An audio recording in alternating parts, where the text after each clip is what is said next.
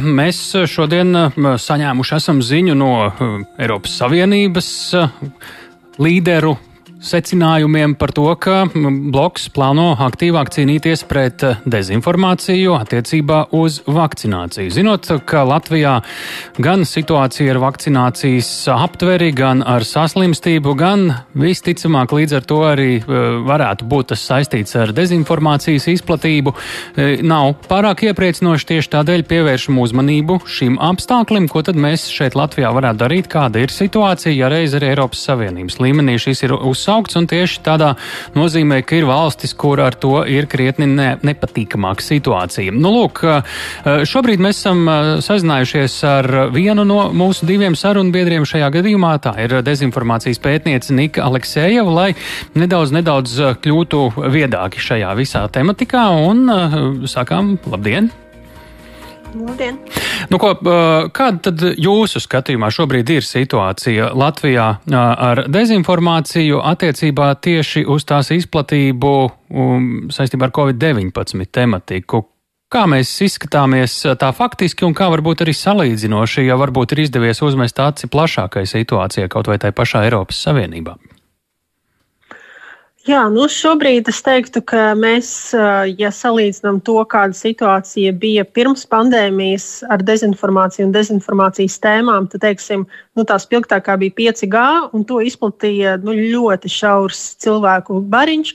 Tad šobrīd Covid-19 kā pandēmija, kas ir palikusi daļa no mūsu ikdienas ir kļuvusi par tādu pastāvīgu tematu, kur nu, faktiski melot, izmantot faktus, kas tiesa ir paņemti un aizgūti no ārvalstu avotiem, nu, nekautrējās neviens. Un mēs redzam, ka tas tiek izmantots nu, gan lai iegūtu vienkārši slavu popularitāti, iesaist ar šo saturu sociālajos tīklos, gan arī politiskiem un dažkārt arī biznesa mērķiem.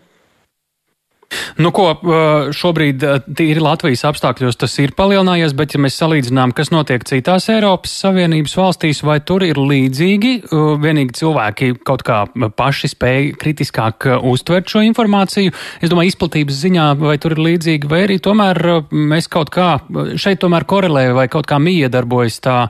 Mm, situācija ar vakcināciju, kāda ir pie mums šeit, arī nu, jā, Baltijas reģionā faktiski, un kāda ir uh, citur Eiropā. Mēs varam vilkt kaut kādas kopsakarības šeit.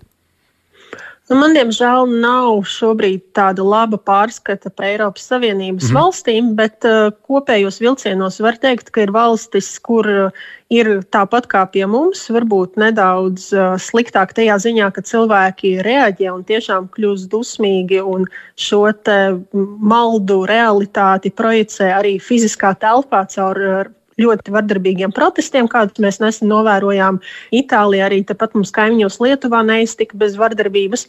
Savukārt ir arī valstis, kā piemēram Somija, kur cilvēki, kas izplata atkal jau šos pašus, viens un tos pašus aizgūtos maldu narratīvus uh, no citām valstīm, ka šo cilvēku ir maz un arī Līdz ar to tā sabiedrības iesaiste ar šiem meliem ir daudz mazāka, un mēs to neredzam, izpaužamies ielās.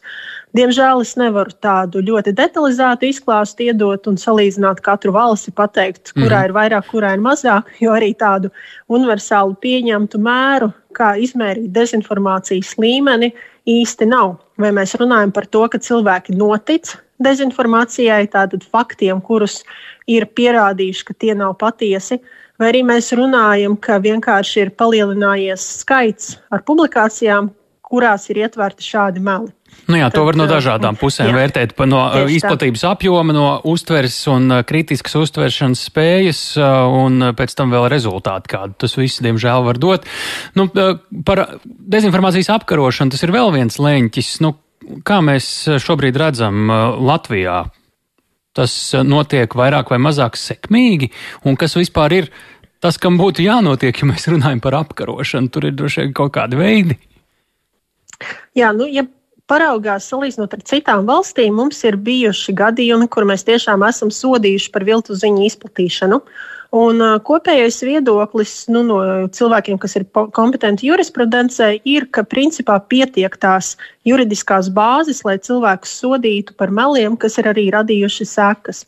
Taču šobrīd tas ir pants par huligānismu, un tur ir nepieciešama ļoti nepārprotama saite ka cilvēks ir izlasījis melus, kā tas, piemēram, bija ar šo alfa centra sabrukumu, un tad ir pieņēmis kādu darbību, veicis kādu darbību, kas nu, ir kaitējusi. Un šajā gadījumā tas bija tas, ka dienesti, neatliekamās palīdzības dienesti bija pārslogoti, jo cilvēki bija noticējuši.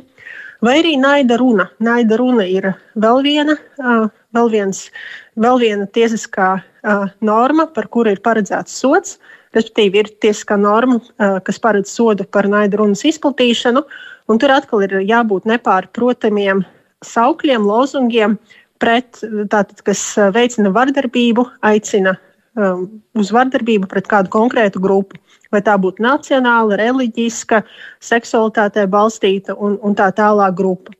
Diemžēl šobrīd, kā mēs runājam par um, Covid-19 tēmu, un šo vakcinācijas, nevakcinācijas uh, faktu, tad uh, nu, nav tā, ka nekas netiek darīts. Mēs arī paši dezinformatori stāsta, ka ar viņiem ir runājuši drošības dienesti par to, ka viņi ir saukti uz pārunām ar policiju. Ir arī bijis šis apcietinājums um, pēc tam, kad um, Austrum Kliniskās Universitātes slimnīcas Felšere ir izplatījusi melus.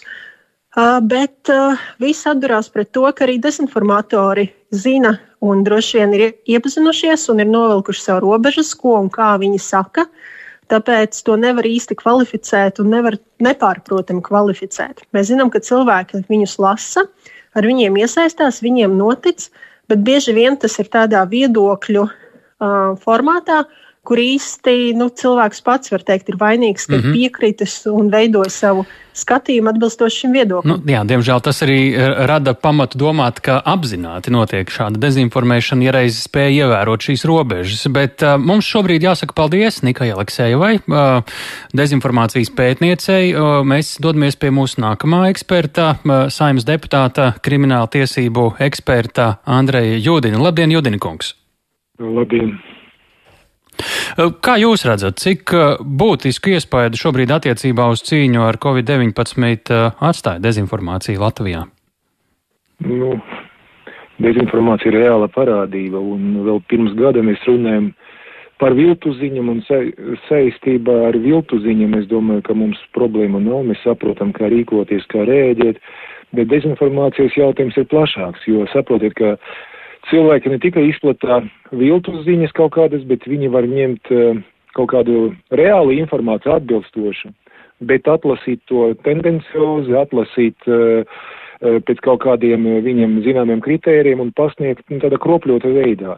Un šeit sanāk tā, ka informācija ir patiesa, bet tā tomēr rada negatīvas sekas. Un ja par viltu ziņu izplatīšanu, kas rada kaitējumu, mēs tiešām saucam pie atbildības, mums ir panti, mums ir arī prakse, Eh, tad eh, par dezinformāciju tāda plašāka nozīme, tad eh, mums netrūks politisku paziņojumu, bet ierakstīt likumā skaidru formulējumu nav tik viegli, jo redzat, mēs negribam, lai katru piekto, kurš kaut ko komentē, sauktu uz policiju, nu vismaz tā resoriskai pārbaudē, jā, un tad mēs gribam, lai atbildība būtu par nopietniem pārkāpumiem, par rūpju tādu rūpiem pārkāpumu par nodarījumu, kas rada kaitējumu. Un diskusija par to, kā to formulēt, kādai atbildībai ir jābūt, turpinās. Bet nu, nav labi, ka mēs tieši sākam runāt. Eh, es skatos, ka daži runā, ka būtu labi, ja krimināla atbildība būtu. Es domāju, būtu labāk, ja sākumā uh, skaidrāk uh, būtu noteikts, kas ir dezinformācija, un tad pēc tam var tiešām tad uh, krimināla likuma paredzēt atbildību. Bet man ir bāžas, ka tomēr tad būs jārisina problēma tieši krimināla likuma un būs jādefinē eh, nu, atbildības likumos, jo, diemžēl, tad visi runā, ka tas ir ļaunums, bet es neredzu konkrētus juridiskus piedāvājumus. Tad būs, būs jāmeklē pašiem.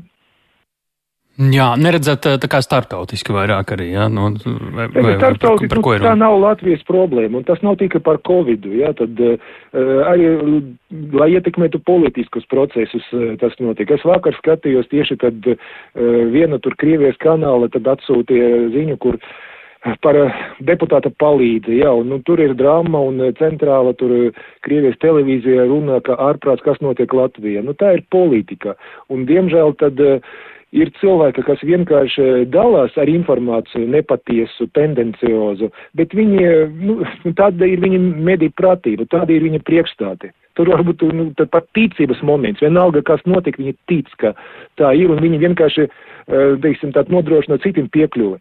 Bet ir cilvēki, kas to visu ģenerē un viņi rīkojas bieži vien ar nodomu, ar ļaunu nolūku un eh, nu, pietiekami piesardzīgi, lai viņus nebūtu iespēja saukt pie atbildības. Jo, ja kāds eh, saka ne, nevis apgalvojuma formā, bet izsaka pieņēmumu kaut kādu, ja kāds atsaucās uz kaut kādu pētījumu, izraujot no konteksta, e, nu, būtībā viņš skaidro, jā, tur tā rakstīts, es neesmu vainīgs. Bet kopumā, ņemot vērā, nu, ka mēs visi dzīvojam sociālajos tīklos, tā, kad mēs uh, patērējam šo informāciju, tas rada lielu kaitējumu. Un ļoti labi, ka ir apņēmība kaut ko risināt, bet uh, juridiski konkrētas formulas formulēt, uh, nu, noteikti, pēc kuram pēc tam dzīvot, ir grūti. Un, uh, ko es visu laiku dzirdu no policijas darbiniekiem, ka nu, viņi ļoti bažīgi. Viņi tieši negrib dabūt uh, kaut kādu pantu, kuru pēc tam nevarēs piemērot. Jā, un tad, uh, Teorētiķim vieglāk šajā ziņa, bet uh, policija būs jāstrādā. Bet mēs par to tad runājam šobrīd... pagājušajā gada februārī un turpinām par to diskutēt. Tad, tad šobrīd izklausās dezinformācijas uh, avoti, dezinformētāji ir kaut kādu soli priekšā tiem, kuri viņus cer. Un tas, protams, ir uh, tradicionāli droši vien krimināla tiesībās, bet ka visu laiku ir jāsako līdzi tai tendencē, bet no tās sekas pagaidām Latvijas gadījumā nav patīkams. Es neteiktu, ka viņi pasargātu no atbildības, jā, un tad vienkārši, ja vairāki cilvēki raksta, izplata informāciju, nevienmēr viegli atrast, kurš to visu ir uh, inicējis, ja, tad tur var būt nu, tā izmeklēšanas problēmas, bet, uh, ja ir acim redzama tāda nepatiesa informācija, ja ir tāda, nu, viltu ziņas, šeit mēs varam rēģēt, un tad jau skaidri, un bija pareizi Aleksēvis kundze nosauca arī pantus, tur viss ir saprotams. Sarežģītāk, ka, ja kāds atlasā izrauj no konteksta kaut kādus faktus un pēc tam raksta, redziet, šeit cilvēks nomira, šeit ir kaut kādas citas sekas, bet ir jāskatās, kur, kāda proporcija, ar ko tas ir saistīts. Par to visu nestāstā. Un būtība tad tā ir darbība, kas vērs, vērsta uz uh, sabiedrības dezinformēšanu. Bet, uh, ja mēs uzdosim jautājumu, tie cilvēki atbildēs, bet taču ir pētījums un man nav pienākuma pilnīgi visu atkārtot, es paņemu tādus faktus, kas ir svarīgi. Nu, teiksim tā, cilvēkam nav pienākuma būt gudram, jā, un tad, un ja viņš saka, ja es neesmu tik gudrs, ja es paņēmu to, ko es ieraudzīju un es nodevu citiem, eh, vai sodīt viņu, jo varbūt tieši viņš nesaprot, uh, tur, nu, teiksim, kaut kādas sakarības, bet varbūt arī saprot. Un ar dezinformāciju no, nu problēma ir tā, ka ir cilvēki, kas visu saprot un apzināti, lai būtu uh, Eh, lai radītu kaitējumu šo informāciju izplatām. Tā ir problēma. Nu jā, diemžēl. Diemžēl, jā. Un sodīt arī par neesmu tik gudrs arī īsti nevar. Paldies par sarunu. Uh, Andrēs Judins, saimnes deputāts un krimināla tiesība eksperts programmā pēcpusdiena.